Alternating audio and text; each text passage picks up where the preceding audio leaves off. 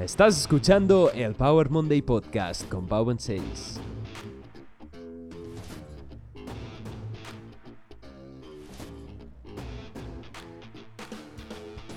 Bienvenidos a Power Monday Podcast, soy Pau, tu apasionado de fitness, nutrición y ciencia y por fin ya ha llegado el Power Monday Podcast, tu dosis semanal de motivación y conocimiento para empezar la semana con fuerzas, ganas y una gran sonrisa. Estoy muy agradecido y me alegra mucho que estés escuchando este podcast donde cada lunes comparto contigo motivación y conocimiento por parte de las grandes mentes de la historia, curiosidades, biohacks, ciencia y mucho más. Y dentro de poco, entrevistas con personas increíbles.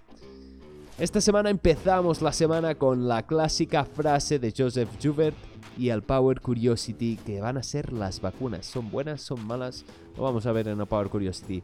Así que venga, vamos a por la frase de la semana. To teach is to learn twice. To teach is to learn twice. Esta frase se podría traducir así. Enseñar es aprender dos veces. Enseñar es aprender dos veces. Esta cita de Joseph Joubert es la mejor que he visto sobre aprendizaje y enseñanza a la vez. Y es que está claro que el aprendizaje y la enseñanza son un dúo inseparable. No creo realmente que las puedas separar las dos. Si quieres realmente comprender y saber algo, enseñarlo es la forma más rápida y eficaz. Y es que hay algo en tratar de ayudar a los demás a comprender y a entender las cosas que hace que el maestro tenga que saber más, y no solo más, sino en más profundidad y de distintas perspectivas, como si lo estuviera mirando de distintos ángulos. De hecho, enseñar en griego se dice didatsko, que literalmente significa ayudar a alguien a crecer. Mientras enseñas, aprendes más sobre el tema y más sobre la enseñanza, pero también sobre ti. No puedes enseñar y no estar aprendiendo al mismo tiempo. Si quieres saber cómo de bien sabes algo, intenta enseñarlo. Adelante, inténtalo. Si tienes algún tema que estás intentando aprender o del cual te quieres examinar, explícaselo a alguien. Y es que es muy probable que descubras que no sabes tan bien como creías, pero al tratar de enseñarlo automáticamente te estás elevando a un nuevo nivel de comprensión. Después de poco tiempo pensando en cómo enseñar algo, descubrirás que tienes un conocimiento y una comprensión mucho mayores y que conoces el tema de distintas perspectivas. Enseñar y explicar a otras personas nos ayuda a asimilar mejor lo que ya sabemos porque te obliga a hacer ese esquema mental y a simplificar los conceptos. Así que si quieres aprender algo, pregúntate, ¿cómo explicaría yo esto a alguien? Así verás que la información desde otro punto de vista y entenderás mejor la esencia del concepto. La enseñanza forma parte de la vida. No solo en la escuela, porque todo en la vida se aprende, empezando desde andar, a comunicarse, a saltar, a escribir, a cocinar, a, correr, a ir en bicicleta, a hacer un podcast, a hacer la declaración de la renta. Bueno, sí, hay cosas que no son tan interesantes y no son tan divertidas, pero todo en la vida es aprendizaje y eso es lo que nos caracteriza como humanos, que somos capaces de aprender y transmitir el conocimiento a otros y aprender cosas increíbles. Joseph Joubert, el autor de esta frase, fue un moralista y ensayista francés, nacido en 1754. Joubert no publicó nada en la vida, pero tuvo una amplia correspondencia y rellenó muchos cuadernos con pensamientos sobre la naturaleza del ser humano y la literatura. En tiempos de Napoleón fue nombrado inspector general de la Universidad de París y fue muy influido por el epicureísmo. Curiosamente, Joseph Joubert no publicó nada hasta que murió. De hecho, no fue hasta que murió que su viuda confió a Chateaubriand un amigo suyo, los apuntes y en 1838 él publicó la selección titulada Recul des de Mr. Joubert colección de pensamientos del señor Joubert. Este libro tiene muy buenas lecciones y te lo recomiendo mucho. Y perdona si no pronunciaba bien a francés, no sé francés, lo he intentado con todo mi amor y cariño. Enseñar es aprender dos veces. Este concepto es muy revolucionario si lo aplicas. Aplícalo y vas a duplicar lo que aprendes. Así que, ¿qué tienes a enseñar? ¿Qué puedes enseñar al mundo? ¿Qué puedes enseñar a otra gente? Si quieres enseñarme algo, envíame un mensaje, enséñamelo, envíame un audio. Voy a estar encantado de aprender contigo. Y ahora vamos a por el Power Curiosity de esta semana. El Power Curiosity de esta semana es una pregunta y es, ¿son malas las vacunas? Hoy en día parece que solo se habla de vacunas, concretamente la vacuna del COVID-19, Y está claro, estamos en una situación donde una vacuna podría volver a la normalidad la sociedad actual. Pero ¿qué hay de las otras vacunas? ¿Son seguras? ¿Son buenas? ¿Son malas? ¿Son realmente peligrosas? ¿Y la vacuna COVID-19? ¿Qué será? ¿Segura o no segura?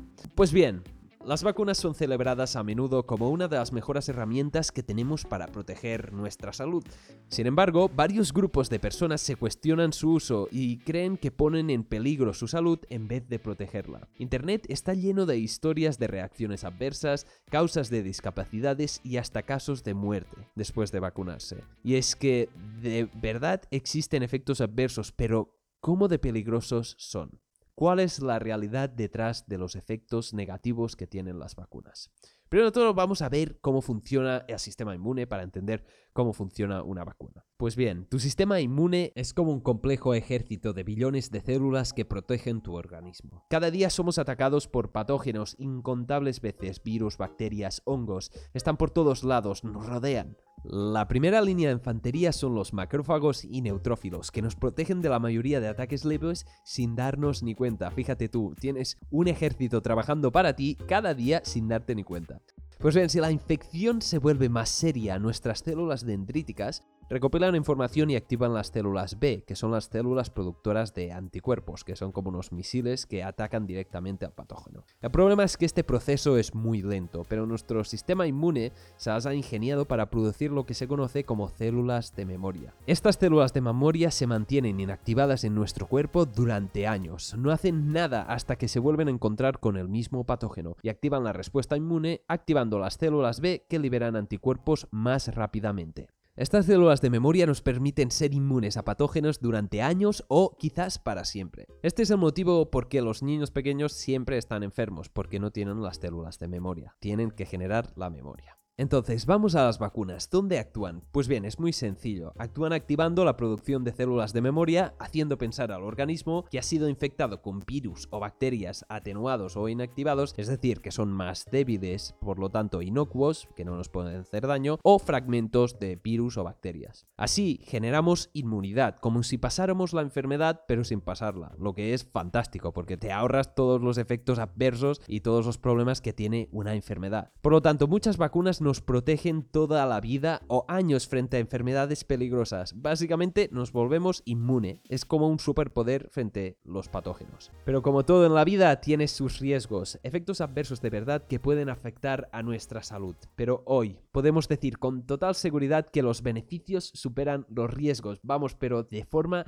exageradísima y con total y absoluta tranquilidad. Estos efectos adversos incluyen fiebre, rash, reacciones alérgicas e inflamaciones locales como los genitales de los niños. Hay algún estudio por ahí, de hecho un estudio del 1998, que correlacionó las vacunas con el autismo. Desde entonces no se para de salir en la prensa, salir en los medios de comunicación, salir en las redes, pero hoy en día otra vez podemos decir que el autismo no está vinculado de ninguna manera a las vacunas, de ninguna manera.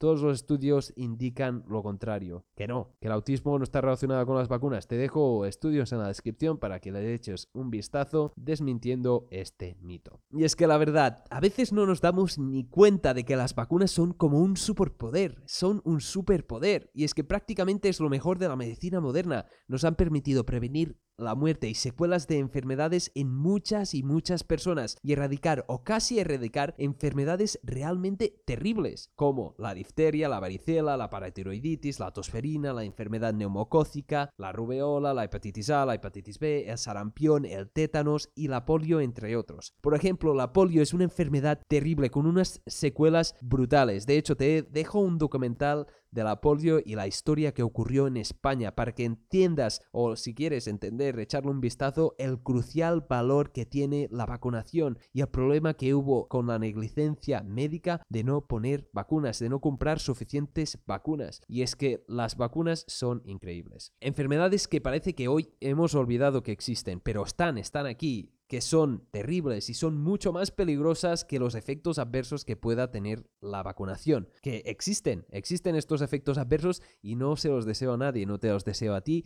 ni a nadie de tu familia. Pero las vacunas son muy ensayadas, muy controladas, muy seguras y mucho más seguras que la enfermedad. Y sí, es verdad que existe el efecto rebaño. El efecto rebaño es el hecho de que la gente que no se vacuna está menos expuesta a los virus y bacterias porque como están prácticamente erradicadas gracias a la vacunación, no se transmiten. Lamentablemente existen varios casos de padres que deciden no vacunar a sus hijos. Sus hijos contraen la enfermedad y a veces desarrollan secuelas irremediables y hasta la muerte. Una muerte muy fácilmente prevenible con la vacunación. Está claro que los beneficios superan los riesgos. Y aquí viene la pregunta del millón. Aquí viene la pregunta. ¿Y la vacuna del COVID será segura? Y es que todo el mundo está esperando la vacuna para volver a la normalidad. Los científicos han estado trabajando globalmente para su desarrollo. De momento los datos son preliminares, aunque las eficacias que demuestran en los estudios son muy prometedoras. Lo que sabemos es que mecanísticamente funciona y es eficaz para prevenir una segunda infección a corto y a medio plazo. Pero, ¿se puede desarrollar tan rápido una vacuna? Pues la verdad es que en general las vacunas tardan más en su desarrollo, tardan unos 10 años. Aquí la estamos haciendo en un año, pero no empezamos de cero. Tenemos el trabajo de las vacunas previas que nos hacen que cada vez una vacuna se pueda elaborar más rápidamente. Esto sumado con la colaboración global y la inversión de muchos recursos a desarrollar las vacunas ha permitido realizar las mismas frases que para otro tipo de vacunas. Por lo tanto, son equiparables en cuanto a seguridad a las otras vacunas.